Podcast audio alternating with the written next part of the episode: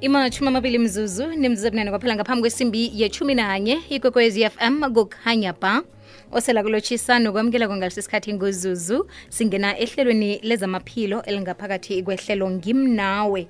Namhlanje sigoduke ehlelweni lezamaphilo sinesinye senhloko evane sikhambe phezu kwazo. Namhlanje sike siqala indaba yokuhlanzeka i-hygiene nofana-ke ukuhlwengeka. Emtatweni sikhambisana novictor wakwamachika oyi-facilitator yi-assessor and moderator ku-occupational health and safety. Yena-ke uzosinabela ngesihloko sethu sanamhlanje njengobana-ke sikhuluma nge-hygiene.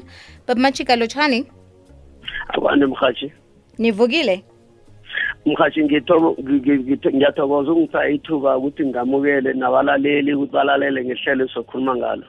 Siyathokoza babamachika namhlanje sikhuluma nge-hygiene. Ungakhe usinabele ngayo i-hygiene ukuthi sikhuluma ngani kuhle kuhle begodu ukuqakatheka kwayo kungangani namkha khuyini ukuqakatheka kwayo mhathi eh i-hygiene angithi sizathoma ngokuyihlukanisa ukuthi i-hygiene ikangathi i-hygiene sinayo hygiene yomuntu esibiza ukuthi personal hygiene and then sikhulume nge-occupational hygiene ekuyinto ohlanganavezana nayo emberegweni njengawe lapho ukhona ikhona i-occupational hygiene yala ubereka khona.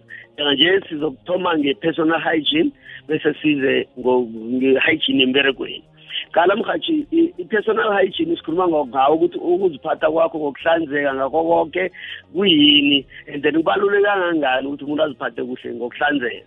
So njenganje ngikhuluma nge-personal hygiene personal hygiene qala mhathi umuntu kose uzinakekele qala muthi kunento esibiza ukuthi ukudla i-food hygiene. I-food hygiene ukuthi udla njani and then uma uqeda ukudla ukudla okho kukuphatha njani.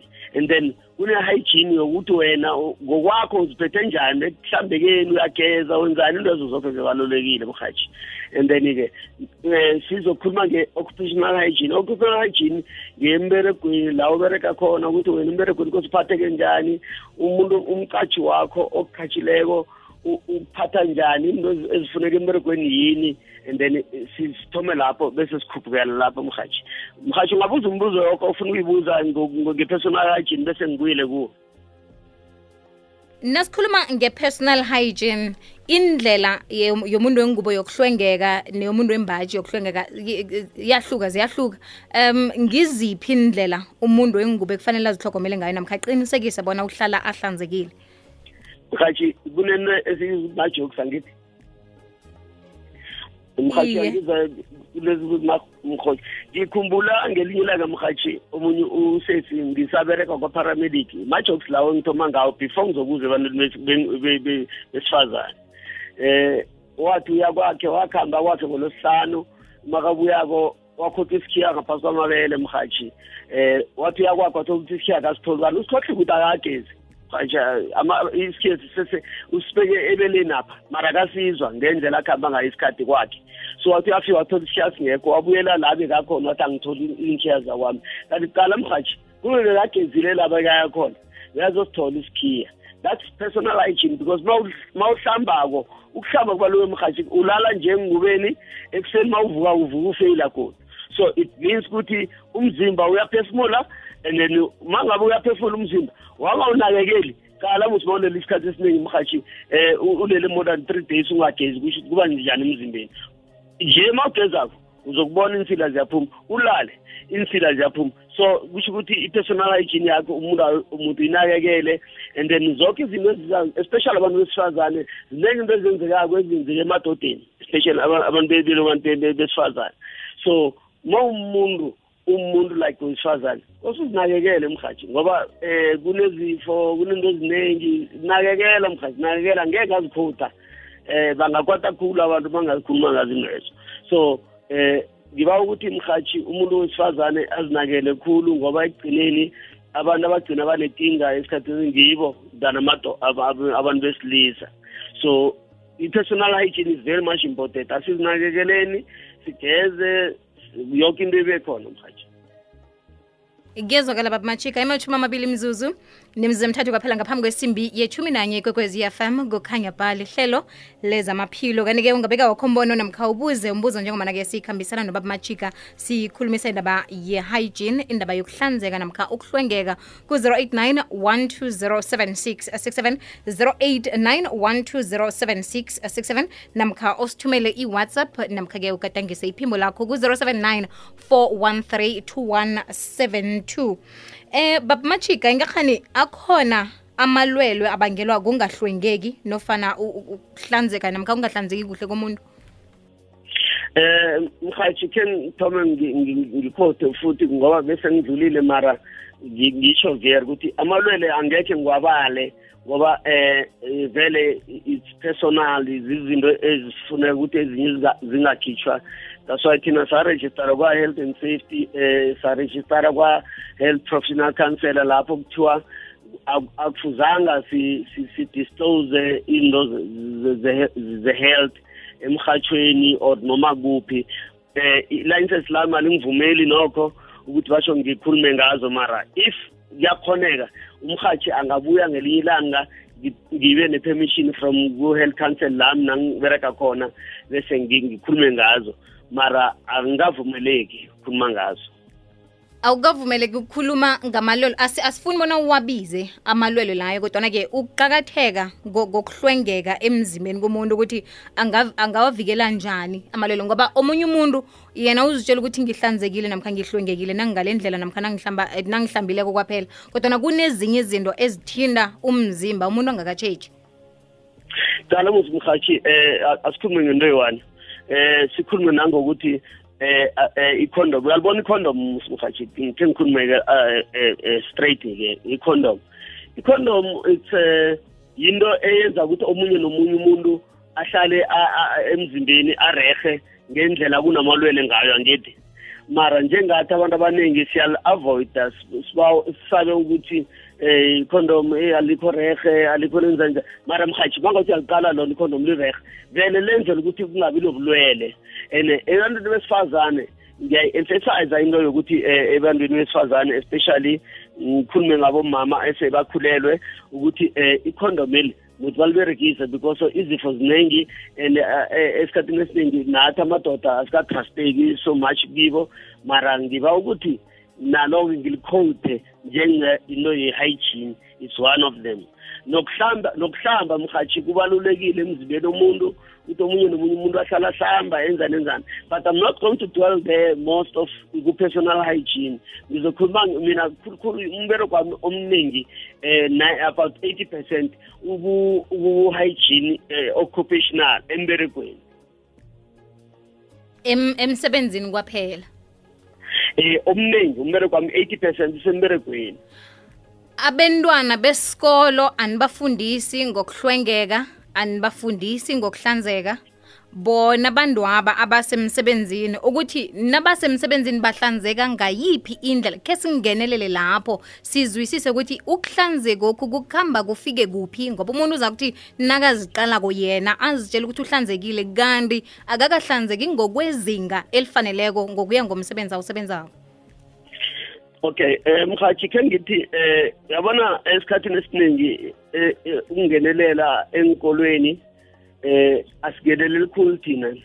Singenelela emberegweni. Embere esikolweni vele okusala kumhathi umntwana ongaka ongakagezi from abuye ekhaya kuba yinkinga kakhulu ngoba mawungakagezi nawe emzimbeni uyazizwa ukuthi awukagezi and umntwana onga- onga- ongakagezi uyazizwa naye makafundako akafundi njengabanye abantwana and uyazi- uyakhona ukuzizwa ukuthi awa mina ngisirehe so eh makagezileka asuke ekhaya kuya- akuhlukile no- nomntwana a- o- ongakagezi makabuye ekhaya. So what i can say about abantwana besikolweni ukuthi vele kose bageze umuntu wakhona agcoke uniform eright angekho ayembe esikolweni uzibona ukuthi uniform yakho nayi ngapha ngemuva inesilanyana and then usuya esikolweni and then uzozizwa nawe mawufundako awukahlaliseki awukahlaliseki mhathi mara more on that uh, what i'm saying is mean i'm not dwelling on that.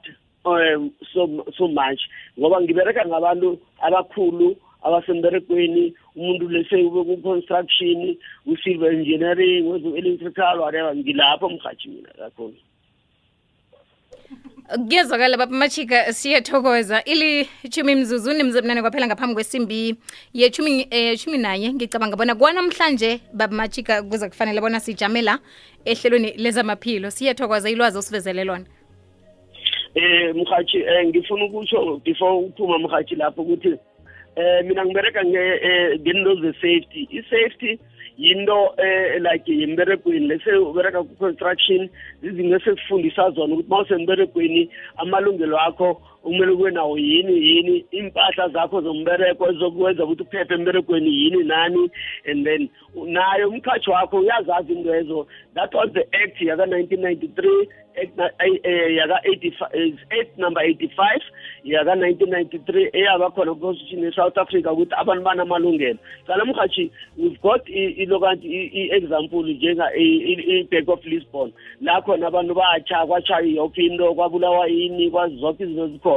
So eh eh zizinto esizicalako thina. Nawe la mhathi la uhleli khona kunento esizibiza ukuthi kosuke nazo kumele kube nomuntu one-first aid lapho kube nomuntu one-basic fire fighting kunomuntu obe ne-shirep oqalela izinto zemberegweni. Umuntu makabereka komhathi kumele kabe nezinto zokugqoka. Azi ukuthi makabereka ku-construction kunento esibiza ukuthi yini yini ikopore helmet yini into ezifana nalezo mhathi zizinto ezenza ukuthi omunye nomunye umuntu ahlala aphephile. So thina sicalelele lezo kakhulu and akekho umuntu njenganje emhathi ozokuthi batsho um uyabereka emberegweni akanazo intwezo uma nganazo akasifonele enomborweni yethu or afune wena mhathi silokante sicalele lintwezo siyazi ukuthi most of the time kunamabhunu eh abangafuni ukuzenza into ezo abantu bekhethu bagule. Kunento esibiza ukuthi entry ne-exit. I-entry ne-exit emberegweni ukuthi siqalele ukuthi ma uzongena emberegweni apha um uze ugula kangangani. Ma ngaba zange ugule masuphumako exit into leyo uyaphuma uyagula. Mara siyakhona ukukubonelela mkhathi ukuthi o umuntu lo ugule ngoba um ane isifo esisithethe emberegweni then uyabhadela. Kunento besibiza kudala sibiza ukuthi asbestos. Into leyo yenza abantu abaningi bagula ngoba bebangaboni ukuthi balimazwa ngiyo bagula balala baningi khulu. Ngakhotha more of abantu ababuya ngane emakhaya ngibabize angibadluleli mhathi amaxhozo eh bagula kakhulu abantu abo mara kungabonakali ukuthi baba machika eh sibabona sibambe lapho siyathokoza. Ngiyathokoza mhathi phindisa. Ilithumi mzuzu nimzemhlanu kwaphela ngaphambi kwesimbi yechumi nanye ikwekwezi FM kukhanya ba usakhamba nezuzu ehlelweni lezamaphilo elivezwa ngophindile wakwasikhosana sikhulumisa indaba yokuhlanzeka indaba ye-hygiene. Baba machika khe waveza indaba ukuthi-ke qakathekile ukuhlanzeka emsebenzini endaweni lapha sisebenza khona. Kaninga sikutsheji lokho. Khe sicale busayi. Ngokwazi kwakho ngiziphi indlela um zokuqinisekisa ukuthi umuntu uhlanzekile? Ngiyazi uyahlamba na uphuma ekhaya? Bese na ufike emsebenzini kugcine ngokuthi uhlambile na uphuma endlini namkha kunezinye izinto kodwa kufanele bona uzenze emsebenzini? Ngicabanga ukuthi asikutshetshi lokho ukuthi uhlanzeka kuqakatheke kangangani namkha kukhamba ibange lide kangangani? Ngikhumbula um bengisebenza nosesiphelma.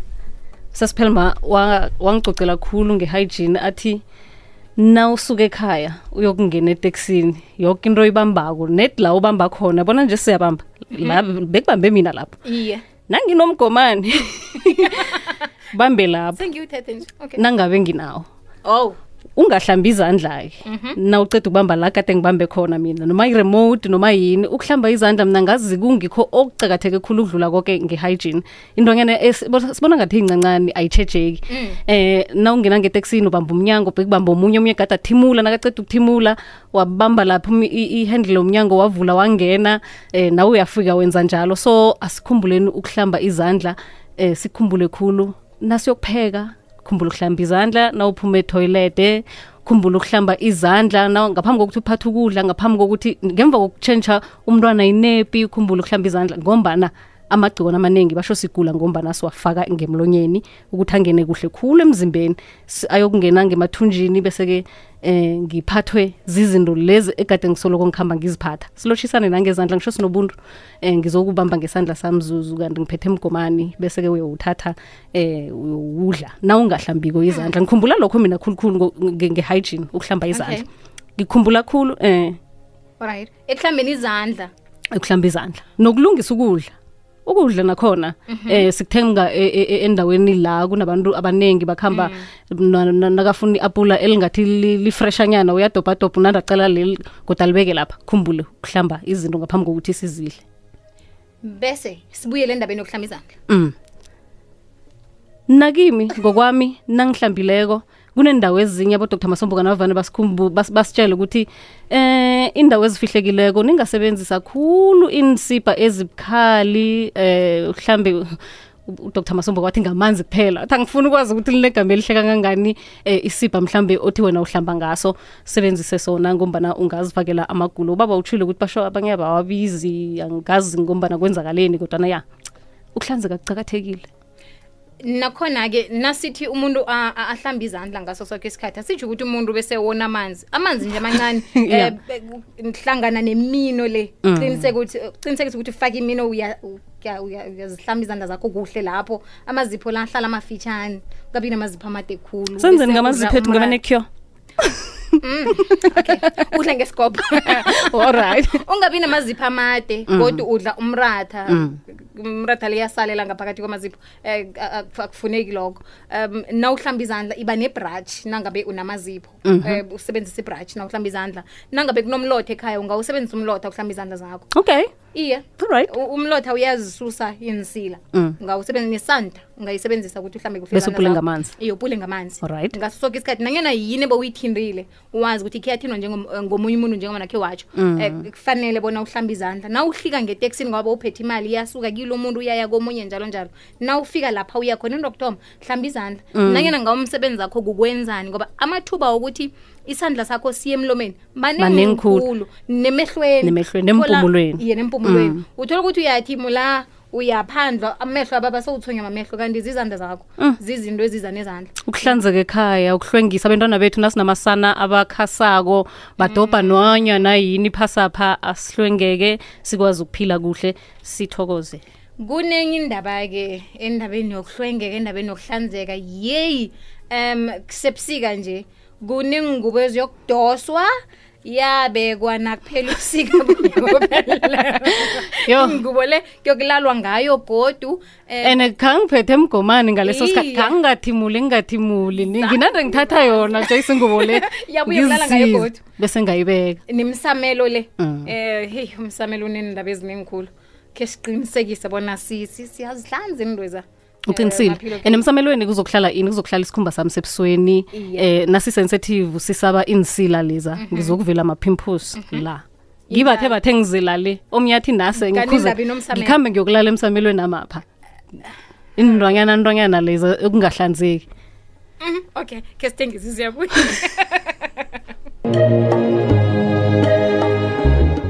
ilithoba kwaphela imzuzu ngaphambi kwesimbi yethumi nanye kwekwezi fm kukhanya ba sirakela phambili nehlelo lezamaphilo elingaphakathi kwehlelo ngimnawe lihlelo elivezwa nguphindile okwesikhosana ku-089 089 ke siqale indlela esingaqinisekisa ngazo bona sihlala sihlanzekile sihlala sihlwengekile.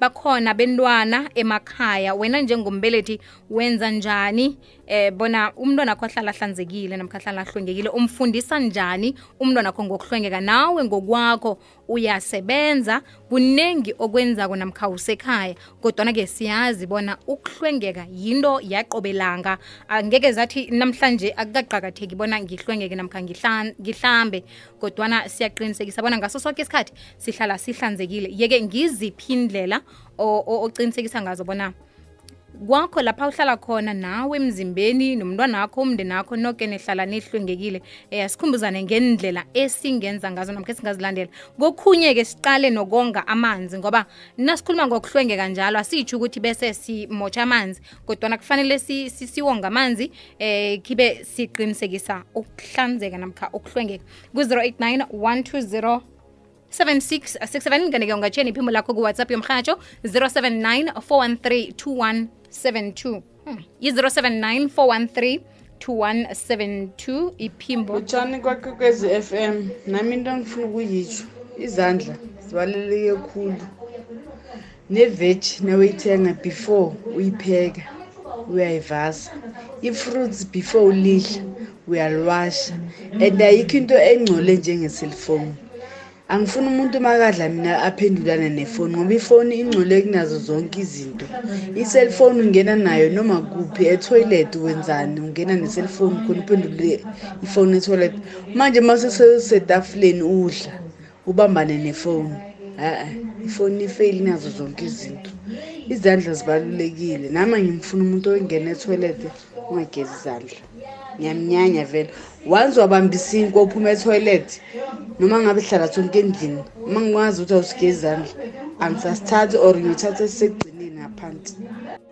Yo indaba kamalilidinini okay. Zuzu ukhuluma noEl umama uSikhosana. Ngiyalotshisa. Mina ngiba ukubuza. Uma umuntu echopha evasini, uchopha evasini ujika futhi uyochopha namazinyo akhe lapho. Wayengathathi ikopa athatha amanzi asikuna geza amazinyo ugezela khona lapho. Iyangirara mina sengibona abantu abaningi benza into leyo and iyangirara. uEla. wo into le kulokhu umuntu nakathoma um athome ngokuhlamba amazinyo bese khona emanzini layo uyokuhlamba ngibona kungcono bona umuntu athome ngokuhlamba athi nakaqedako bese uthatha ikopi vele um ahlambele emanzini layo kunokuthi uthome sekulandela umzimba ngiyazwisisa. Hayi zuzu kunjani? Ngifikile siyabusa kwaphahla. Mm, mina was working one, ku one of the restaurant yo i-hygiene lapha is very much important. Clean as you go yoke into oyenzako after uyenza ugeza idlanza ukugeza idlanza is very much important. Ubaba unkosi emetlibheke nami ngiyayiva indaba yezandla. Izandla vele kufanele vele sigeze izandla. Sibalulekele kakhulu izandla ukuthi sigeze ngoba ama-infections athola ngageza izandla ngiyabona hayi zuzu kunjani? Ngubhethi oliveni kubalulekile khulu vele ukuthi umuntu ageze izandla before adla. Kuyo yoke into ayenzako vele ageze idlanza. And kubalulekile ukuthi umuntu nakavuka kwahlala kuclean ngendlini ngoba ama-gems maningi mina kwaphela imizuzu ngaphambi kwesimbi yethumi nanye ikwekwezi f m kukhanya pha ku-089 120 7667 ikwekwezi usemoyeni lotshani? Lotshani? Zuzu, akwande. Zuzu? sivukile baba njani? Khuluma nobaba umnisi eSosham. siyathokoza baba umnisi. Eh Zuzu, uzikade mara indaba wesiphoso lo baba akasiniki phone number leyo ukuthi go help leyo. o inomboro Baba khe wazijiya sizazibuyelela kodwa Alright Zuzu, kunento engiba mina ngihamba ngithile la ngihlala eSosham. Yayizwa into eniyikhuluma kunabantu abasingisela amahabhula imperegisi etrench. Abantu aba bahlala phasi babeke umthwalo ube mningi phasi bafake into ezemaplastikini. Mathoyilete nangakutshela amanzi akabereki kokuru sport zonke inteji.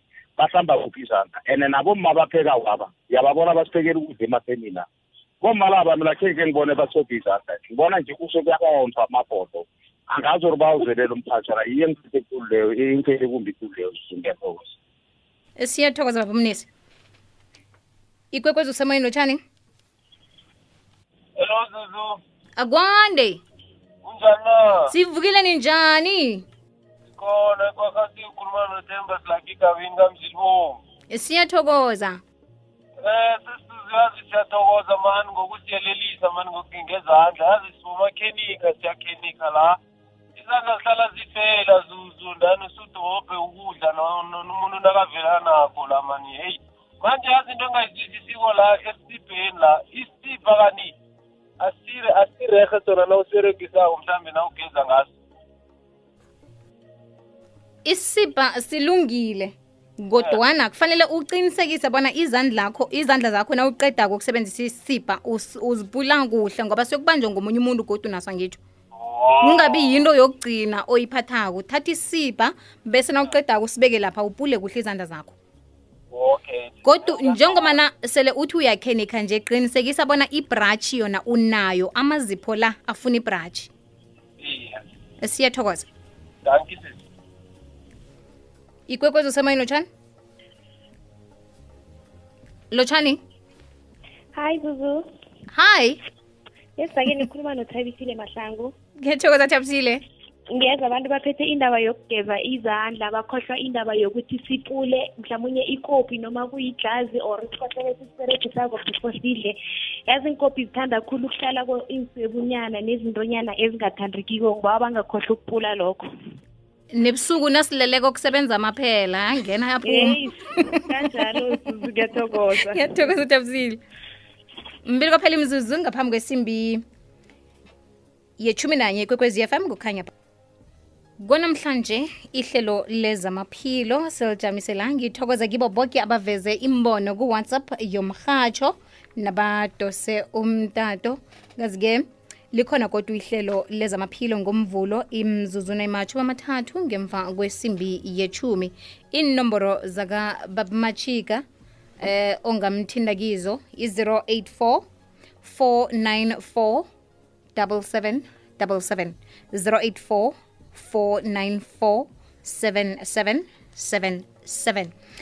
Phambili ihlelo ngimnawe nobusayi bekube isimbi yeshumi nambili. Mna nawe sihlangane kodwa eh, imzuzu amathathu ngemva kwesimbi yesitha.